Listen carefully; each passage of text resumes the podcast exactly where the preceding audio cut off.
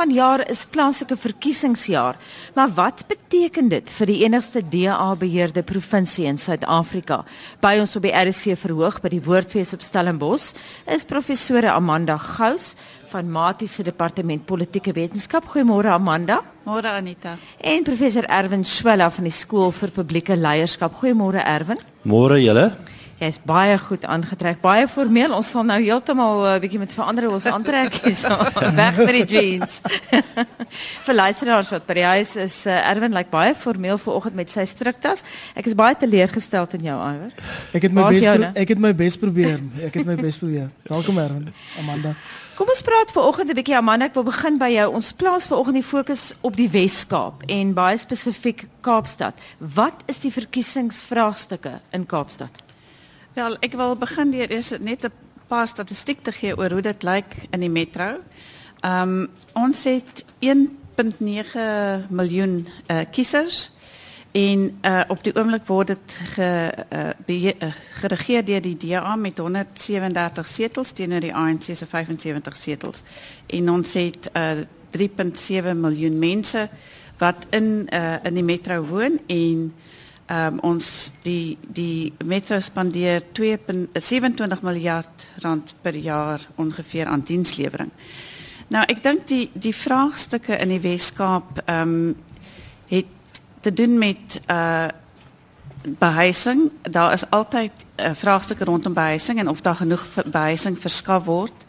Ehm um, ook gegee die feit dat daar 'n immigrasie is vanaf die Oos-Kaap na die Wes-Kaap dan is daar die hele kwessie van misdaad um, op die Kaapse vlakte en hoe daai misdaad onder beheer gebring kan word. Dit is een van die uh die statistiek vir misdaad op die Kaapse vlakte maak Kaapstad basies die nommer 1 uh stad vir moord in Suid-Afrika. Ehm um, en dan is, is daar ook natuurlik die hele kwessie van uh dienslewering uh deur die deur deur die metro self.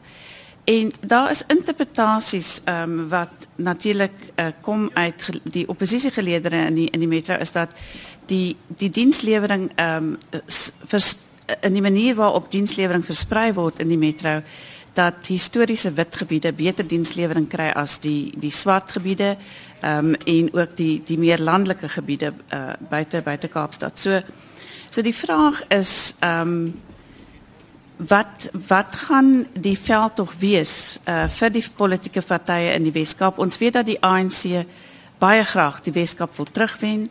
Uh, maar die hele kwessie rondom Marius Fransman byvoorbeeld en die feit dat hy 'n baie verdelende faktor was in die Weskaap. Ehm um, en wat nou natuurlik uh geskort is na sy die aantuigings van seksuele teistering teen hom sien ons dat die ANC het nog dit nog nie reg gekry om 'n om vir hom 'n plaasvervanger te kry wat nie ehm um, uh, basies die hele verdeeldheid in die Kaap aanvuur nie. Erwin, so van die ANC gepraat, ons het die laaste paar dae met verskillende ANC-lede op plaaslike vlak gepraat en dit lyk vir my daar's nou selfs groter verdeeldheid binne die Wes-Kaapse ANC en ook of waar 'n bietjie spanning is tussen bruin mense van Kaapstad en swart mense van Kaapstad omdat hulle steeds voel dat ehm um, Marius die verkose leier is. Wel, mense moet begin om 'n bietjie te kyk na die Wes-Kaapse politieke dinamika. Die Wes-Kaap is eintlik in die sinne 'n interessante verskynsel polities. Mense kan waarskynlik op een wyse redeneer dat die Wes-Kaap 'n uh, 'n meer volwasse demokratiese benadering het want hier kan politieke partye deur die stembus uh, verander. Ons weet dat uh, aanvanklik uh, na demokratisering het die nasionale party die Wes-Kaapse regering oorgeneem. Daarna het ons 'n ANC regering gehad en uh, sedertdien is daar 'n DA regering. Nou dit het te maak met daai daardie besondere politieke dinamika in die Weskaap waar daar 'n vlottende stem is. Met ander woorde, daar is mense wat hulle politieke voorkeure verander op grond van bepaalde oorwegings wat nie net te maak het met hulle koppeling aan 'n bepaalde etniese of rassegroep nie. En hierdie soort van dinamika het dan ook die die gevolg dat dat mense besluit uh, ons stem vir partye wat beter of swakker dienste lewer. Daar loop eintlik uh, en ons noem dit soms die, die politieke olifant in die kamer. Daar loop eintlik 'n soort ehm um, wel nog 'n rassekonnotasie deur die dinamika van die Wes-Kaapse politiek, maar dit het eintlik daarmee te maak dat die die breinkiesers neem besluite op grond van wat hulle dink die beste gaan wees vir hulle vir hulle belange. En daar is dus spanninge ehm um, binne die Wes-Kaapse politiek tussen bruin en swart uh, uh, geleedere dis natuurlik nie heeltemal eenduidig nie. Ek meen dis nie elkeen wat presies op dieselfde manier optree nie, maar daar is daai daai kom ons sê breë tendens. En dit speel ook uit binne die Wes-Kaapse ANC. Binne die Wes-Kaapse ANC is 'n gedeelte van die verklaring vir die verdeeldheid is 'n uh, 'n spanning tussen bruin en swart leierskap en ons kan geskiedkundige voor, voorbeelde daarvoor aanhaal en en um, ek wil nou nie in te veel diepte op daai getuienis ingaan nie maar daar is getuienis daarvoor. So hierdie dinamika uh, is hier en dit maak die Weskaap 'n baie interessante plek polities. Um, en ek dink ons moet kyk hoe dit uitspeel. Ek sal nou 'n voorspelling waag en ek weet dit is baie uh, baie uh, kom ons sê nou maar uh, mense moet nie daarop maklik uh, uh, waag nie maar Dit sal moeilik wees vir die Wes-Kaap om onder hierdie omstandighede deur die ANC oorgeneem of vir die ANC om die Wes-Kaap oor te neem. As jy pas by ons aangesluit het, dis nou byna kwart voor 7. Ons praat ver oggend met professore Erwin Schwella van die Skool vir Publieke Leierskap by Maties en dan ook professor Amanda Gous van Maties se departement politieke wetenskap. Terug na wat jy gesê het Erwin, jy praat nou van spanning tussen die bruin en swart leierskap, maar kom ons praat 'n bietjie oor die spanning tussen die plaaslike en die nasionale regering. Ons het gister met julle kollega Emeritus Professor Fanie Kloete gepraat en hy sê ons moet onthou dat die plaaslike en die nasionale regerings wat die Wes-Kaap betref se verhouding baie spanningsvol is en dat die nasionale regering die Wes-Kaap wil laat sleg lyk. Amanda Ja, wel in terme van geld wat toegeken word vir dienslewering, ehm um, word daar aan die Weskaap minder geld toegeken en want die idee is dat die provinsiale regering uh ook hulle eie geld sal sal ehm um, bestuur. Uh, maar die die rede vir die die minder geld uh, wat gegee word is dat ehm um, dit as daar 'n tekort aan fondse is, dan kan nie nodige dienslewering nie gedoen word nie en dan lyk dit asof die DA regering nie in staat is om die diens te lewer nie. Maar daar is sekere funksies wat provinsiale funksies is en dan is daar ander funksies wat nasionale funksies is. En uh polisieering is een van hulle waar ehm um, die die diens word op 'n provinsiale vlak gelewer maar die die besluite en die uh finansiering kom van van nasionaal af. So ehm um, dit is natuurlik baie problematies want uh, en, en natuurlik is dit uh in die voordeel van die ANC wat dan 'n uh, 'n ander tipe van formule toepas in die ander provinsies wat deur die ANC geregeer word. Professor Swela, is dit nie maar net 'n maklike verskoning vir die DA beheerde Weskaap om elke keer te sê nee, ons kan nie eintlik daai diens lewer nie want dit is 'n nasionale funksie. My waarneming is dat die DA nie eintlik daardie boodskap oorstuur nie. Die DA stuur die boodskap uit ehm um, omdat op, op grond selfs van die feit dat hulle uh, op 'n manier glo of uh, beweer dat hulle minder gefinansier word, dat dit 'n provinsie van goeie regering is. En in die proses dink ek skep dit eintlik 'n verdere probleem want uh, in die strategie en taktiek uh, wat die ANC het uit die hart van die saak wil hulle graag die Weskaap wen. Dit is hoe hoe, politiek werk. Jy moet uh, kiesafdelings wen. En as dit dan gebeur dat die Weskaap 'n voortgesette boodskap kan uitkry en uh, kyk maar na die Weskaap se se politieke kommunikasie, dan word die provinsie deur die DA geprofileer as 'n provinsie van goeie regering. Ehm um, en ondanks die feit dat daar aanduidings is dat daar groot spanning is tussen die die die Weskaap se regering en die ANC nasionale beheer en die ANC regering vaar die Weskaap eintlik regeringsgewys relatief goed. Uh as 'n mens gaan kyk na al die soort indekse wat hierdie goed meet. Uh onder andere indekse soos skoon audite. Indekse wat gaan rondom regeringsdoeltreffendheid wat kom van uh, nie net die ouditeur-generaal maar ander uh monitering en evalueringsagentskappe binne die regering vaar die Weskaap regeringsgewys eintlik baie goed. So uh maar 'n mens sou darm 'n bietjie naïef wees om nie te aanvaar dat daar 'n bietjie moetswilligheid sal wees van tyd tot tyd van die kant van die ANC beheerde nasionale regering om te sê ons het nou nie werklik 'n groot behoefte om die Wes-Kaapse regering te laat goed lyk nie want as ons hulle nou laat goed lyk dan uh, dan is ons nog 'n groep mense wat eintlik hulle laat goed lyk terwyl ons wil eintlik die Wes-Kaapse regering oorneem. Amanda, hoe belangrik is die veranderende demografie van die Kaap oor die laaste 10 jaar in terme van die verkiesing? Ja, ek weet dit, dit is dit is juist wat die provinsie so interessant maak want uh, na 1994 was die die breinstemmers in die meerderheid met 58%. Dit het in die laaste verkiesing afgekom na 53 en ons vermoed dat dit nou nog meer afgekom het as gevolg van die immigrasie van uh mense uit ander provinsies uit. Uh maar daar is ook uh as ons nasionaal kyk, uh 9 miljoen stemmers wat nie geregistreer is nie. En in die kategorie tussen 18 en en 20 is daar omtrent daar's meer as 3 miljoen. Nou baie van die jong mense in die Wes-Kaap um, is ook nie geregistreer nie en uh daardie stemmers het eintlik uh, die vermoë om die verkiesing te kan swaai as hulle sou uh, registreer en spesifiek vir een party stem. So dit is ek dink belangrik dat daai uh die die stem van daai uh kiesers getrek word. Maar soos Erwin reeds gesê het dat daar as as gevolg van hierdie demografie praat ons van 'n breinstem en en 'n vlottende stem ehm um, wat uh, in die verlede geswaai het tussen die ANC en die DA.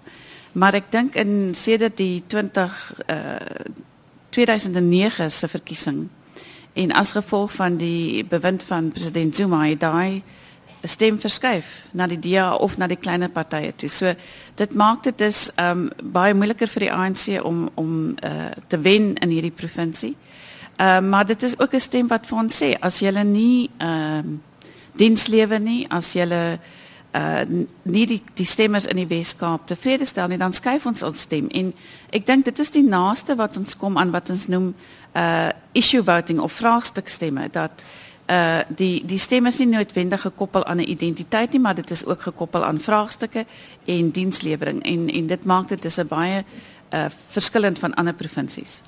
Kom ons uh, gee die luisteraars 'n kans om hulle vrae aan jou te stel. Isak, watter vrae het hulle vir Amanda en Erwin?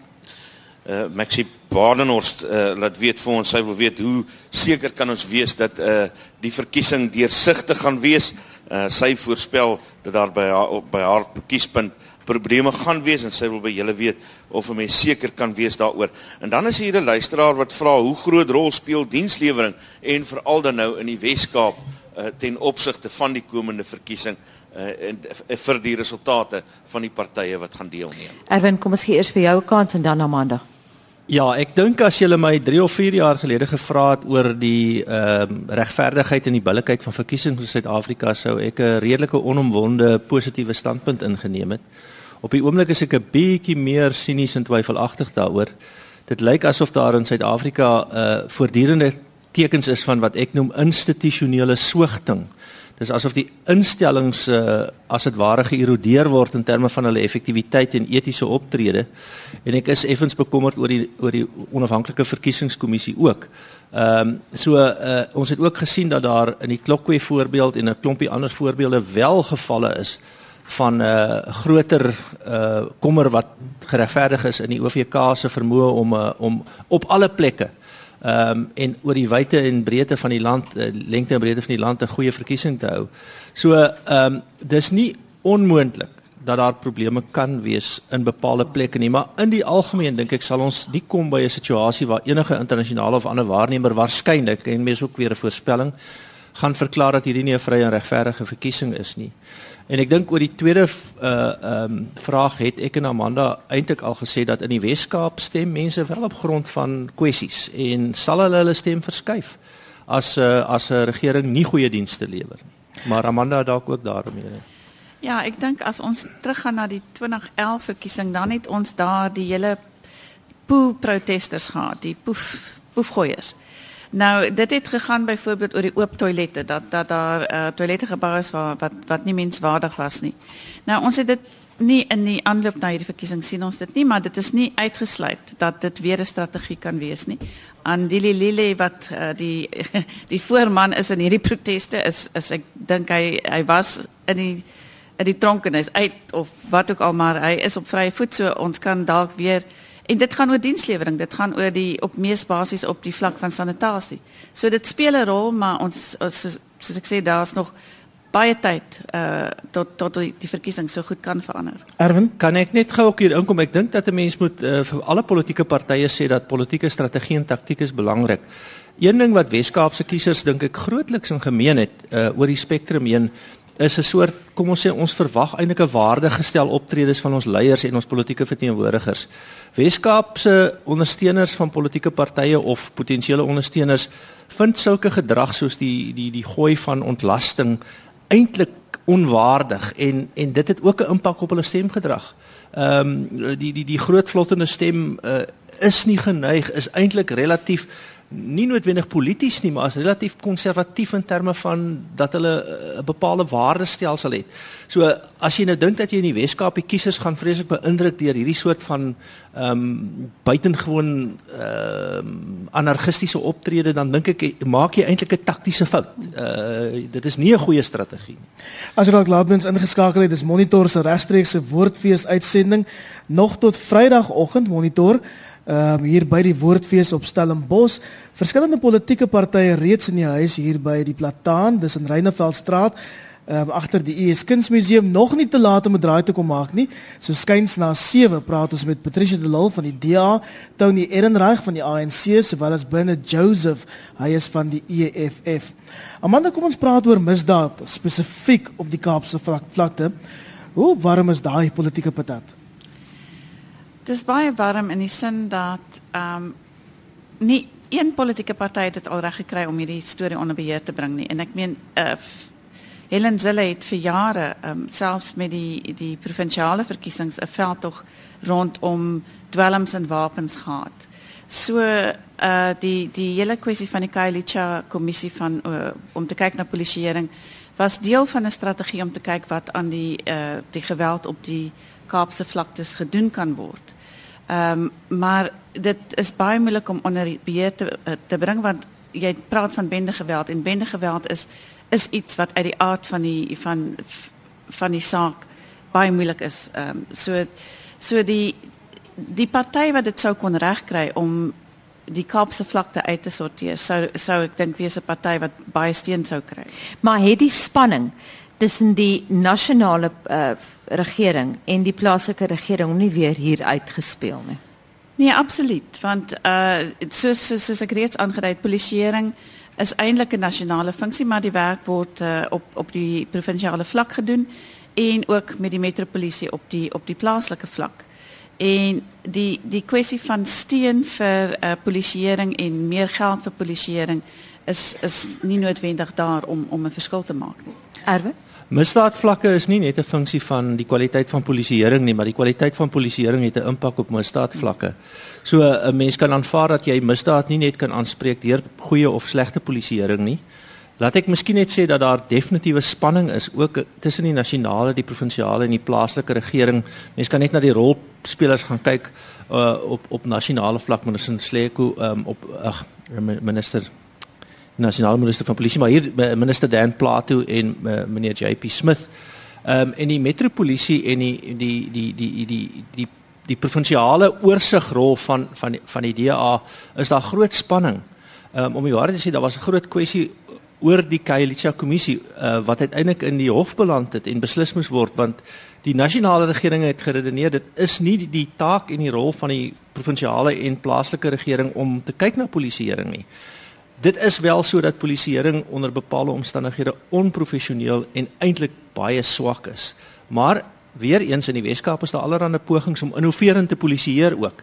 En in die onlangse verlede was daar aanduidings dat Manenberg een van die uh, bende getuisterde areas tot 'n mate begin om te stabiliseer, getuienis uit die gemeenskap op grond van strategieë wat gebruik word die sogenaamde Amsterdam strategie waar uh, die plaaslike regering nou nie net meer kyk na die na die misdadigheid per se in terme van dwelms en en en die soort oortredings nie maar begin kyk na die oortredings wat die dwelmbase begaan op plaaslike verordeninge en dan optree en eintlik op 'n manier die goed regmaak en dan skuif jy die die die die misdadigheid weg.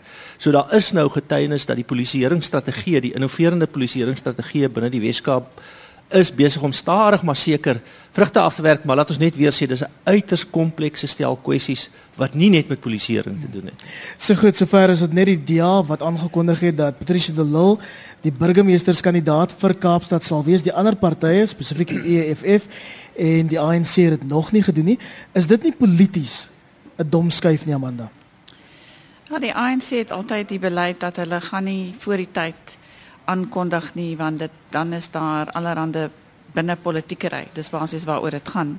Ehm um, en ek dink as ons kyk hoe dit uh, hoe die ANC sukkel om 'n uh, uh, net die die provinsie te stabiliseer uh, nou dat Fransman nie meer daar is nie, dan dink ek is dit baie is dit vir hulle beter basis om nie 'n kandidaat aan te kondig nie want hulle sukkel om om selfs net 'n leier vir die Weskaap te kry. Baie dankie dit aan professor Amanda Gous van die Universiteit Stellenbosch se departement politieke wetenskap en ons het ook gepraat ver oggend met professor Erwin Swela van die skool vir publieke leierskap. Baie dankie vir julle insette.